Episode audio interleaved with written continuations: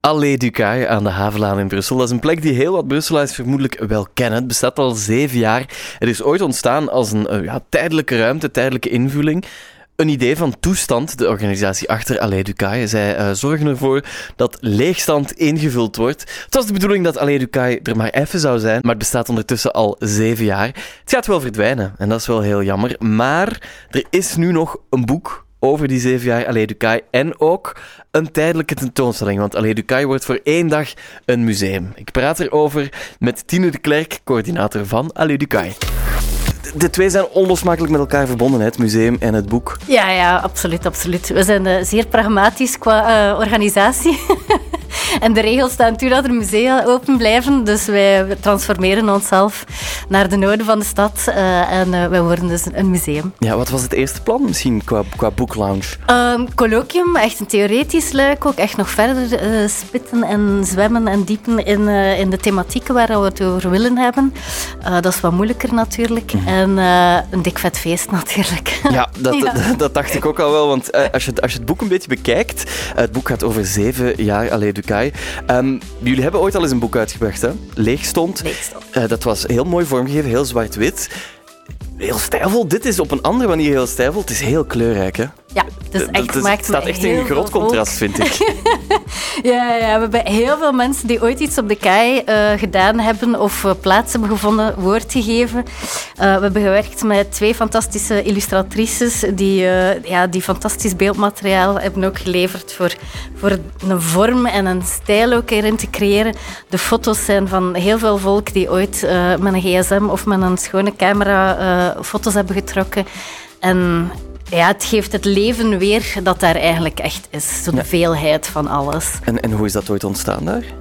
Uh, Allee Ducaille, of? Ja. Want ja, we moeten nu dan zeven jaar terug. Uh, zeven jaar terug. Uh, Leefmilieu Brussel, die eigenlijk de eigenaar is van de site, mm -hmm. die hadden wel een geweldig idee om tijdelijk daar plaats te geven aan een dynamiek. Iets die zou experimenteren met de toekomst. Um, in, af, allee, in afwachting van een park die daar zou komen drie jaar later. Ja. Um, die drie jaar later was dan in 2017. uh, we zijn een stukje verder. Uh, dat is om allerlei omstandigheden hè, wordt dat uitgesteld. Maar ze merken ook wel natuurlijk dat de dynamiek die we daar kunnen brengen en het experiment dat we daar voeren, dat dat marcheert. Um, en ja, nu is het afstellen toch wel, alleen je voelt toch wel dat het dichterbij komt. Ja, het zit, het zit er bijna op, hè? Ja. Maar je kan anderzijds ook wel zeggen van zeven jaar, echt tijdelijk was het ook niet, hè? Dat is toch een lange periode. Dat is even, hè? Ja, ja, ja. Maar ik moet zeggen, we hebben nooit de mindset gehad van dit wordt zeven jaar. En dus uw tijdelijkheid zit ook heel hard in de manier waarop dat je werkt en dat je luistert naar waar dat er nood aan is. De noden van 2014 ten opzichte van nu, de wijk rondom, is echt uh, helemaal anders. Ja. ja, zoals Robin al zei, het is een super, super kleurrijk en levendig boek geworden om die laatste zeven jaar zo mooi te illustreren. Het is misschien nu niet de kleurrijkste, de meest hoopvolle periode voor jullie, of waarin schuilt de hoop op dit moment voor jullie? Wat ligt er in de toekomst eigenlijk? Oeh, uh, twee vragen. uh, waar dat de hoop ligt nu, is dat we ja, zelfs in zo'n complexe periode nog altijd gewoon heel hard onze deuren kunnen open doen voor heel veel mensen die er echt nood aan hebben. Ik denk dat de mensen die een uh, fijn appartement of een thuisbureau hebben, niet noodzakelijk de mensen zijn die nood hebben nu aan een plek of zo bij ons. Maar er zijn heel veel mensen in een bepaalde precariteit die nog steeds heel veel ruimte vinden, plaats vinden, herkend worden als mens, ontvangen kunnen worden in onze ruimtes. En dat is, ja, dat is waarvoor we het doen uiteindelijk. Is er nu meer nood aan, aan, aan ruimte in de stad dan, dan zeven jaar geleden? Um, er is ja, of wordt er harder geroepen misschien? Onze vraag is altijd wie heeft recht op die ja. ruimte in de stad. En mensen met een bepaalde financiën in de achterzak of met een bepaald mm, status in de maatschappij hebben makkelijk sowieso access tot de stad. Maar dan is de vraag ook van ja, voor wie blijft de extra... Uh, aandacht hebben en aan wie geeft die plek dan in de stad? Ja, want... En dan, wat brengt de toekomst? Dat was de tweede vraag. Uh, dat weten we niet. uh, tijdelijk gebruik. Ons boek is zo'n beetje tussen een dik vet feest ook en ook wel een uh, activistische cry-out van help dit soort project, dat op Allee is, is echt niet meer mogelijk in de stad. en eigenlijk zijn we in crisis. Eigenlijk is sociaal tijdelijk gebruik echt een crisis. Onze, onze journalist Bram Verrentegem schrijft er vanochtend trouwens ook nog een stuk over. Hè. Hij schrijft, hè, de commercialisering van de leegstand bedreigt projecten als Allee Ducaille. Jullie voelen dat ook zo aan, hè? Ah, helemaal, ja, ja. ja, dus het wordt bijna onmogelijk om nog zoiets sociaal en inclusief te doen. Uh, voor vele redenen. Hè. Uh, je hebt, hebt het legale kader die zo strak en zo gereguleerd moet zijn, want alles moet op voorhand garanties krijgen, nog voordat je ermee start. Je moet een plan hebben, volledig uitgedacht, maar ja, dan kun je ook helemaal niet beschikbaar zijn om te luisteren naar wat heeft de buurt en wat hebben de mensen rondom nodig. Um, er is vaak geen budget die samengaat met tijdelijk gebruik. Integendeel, eh, er wordt verwacht dat je zelf heel veel investeert in eh, alle logistieke uh, kosten.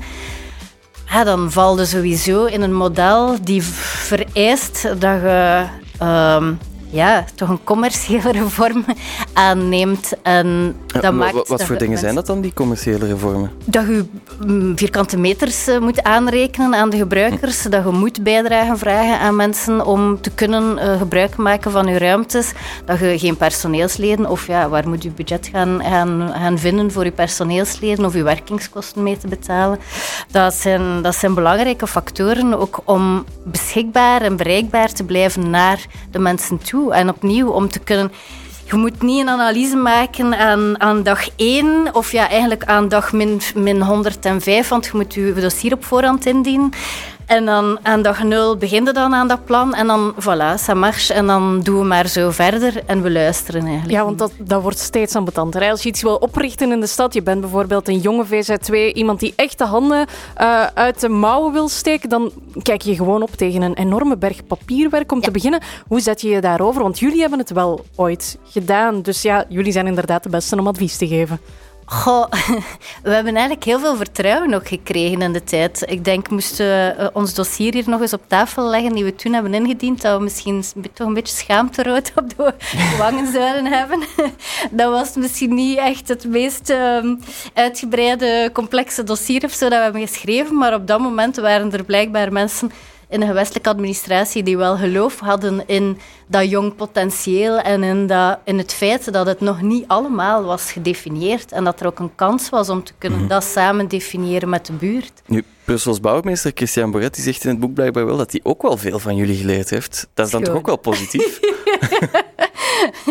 ja, ja, we hebben echt zoveel mensen aan het woord willen laten aan, aan mhm. in het boek. En inderdaad ook een bouwmeester, maar ook gewoon de, de buurman van om de hoek. En uh, ook gewoon de mensen die ja, van alles hebben kunnen ontplooien ook en kunnen testen dankzij het feit dat je inderdaad een carte blanche krijgt. Op zich, je komt binnen op Allee Je moet niet eerst je contract en je bewijzen op voorhand. Nee, je begint, je begint met uit te leggen wat je wilt doen en je begint eraan en je wordt ondersteund. En ja, op termijn kunnen dan papierwerk gaan tekenen en zo, uh, omdat dat toch in een bepaald kader wordt vereist. Maar je kunt gewoon eerst mensen aan de, aan de slag laten gaan en ze platform geven om te testen. En dat is wel super fijn. Mag ik het heel moeilijk vragen? Uh, ja. wat, is, wat, is voor jou het, het, wat zijn voor jou de interessantste zaken die er gebeurd zijn uh, in die zeven veel, jaar? Heel veel gefaald. uh, het is...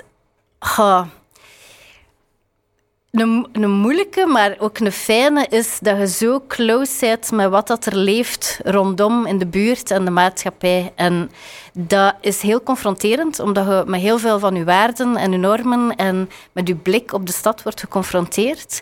Uh, er zijn Allee, je hebt bloed en zweet, maar ook echt wel veel tranen ook af en toe uh, gevloeid op Allee Ducaille, omdat je wordt geconfronteerd met heel veel onrecht in de stad en heel veel dingen die niet marcheren binnen in het systeem en waar dat je, ja, 9000 vierkante meter is groot, um, maar zeer klein op stadsschaal. En wij reproduceren ergens wel een kopie van die maatschappij en we proberen daar een alternatief aan te bieden, maar je wordt wel geconfronteerd met dingen binnen het systeem die niet functioneren. Dat zijn, dat zijn harde klappen soms om te incasseren.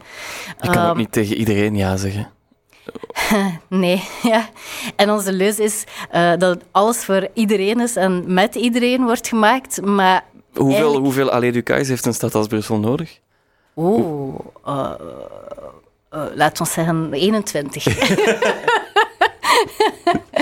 Eén per gemeente en dan nog uh, twee extra in het centrum, zoiets. Uh, ja, misschien nog even terug naar het boek en naar het museum. Morgen uh, is Aleduca eenmalige museum. Ja. Hoe gaat dat eruit zien?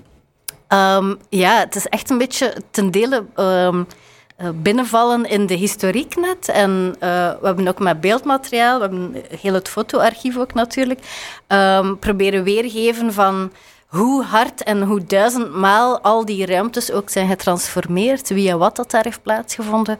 Um, we hebben een, een, een, diorama gebouwd. Dat is een soort van uh, ja, reclamebord aan de straatkant, waar dat we eigenlijk heel veel mensen die niet de grote billboards krijgen in de stad een, uh, een vitrine ook willen geven.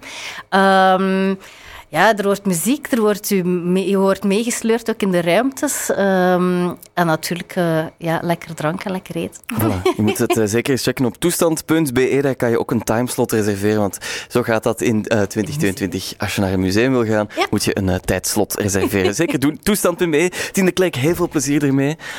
en succes met de toekomstige projecten. We zullen er ongetwijfeld nog wel van horen. Dank zeker u. van.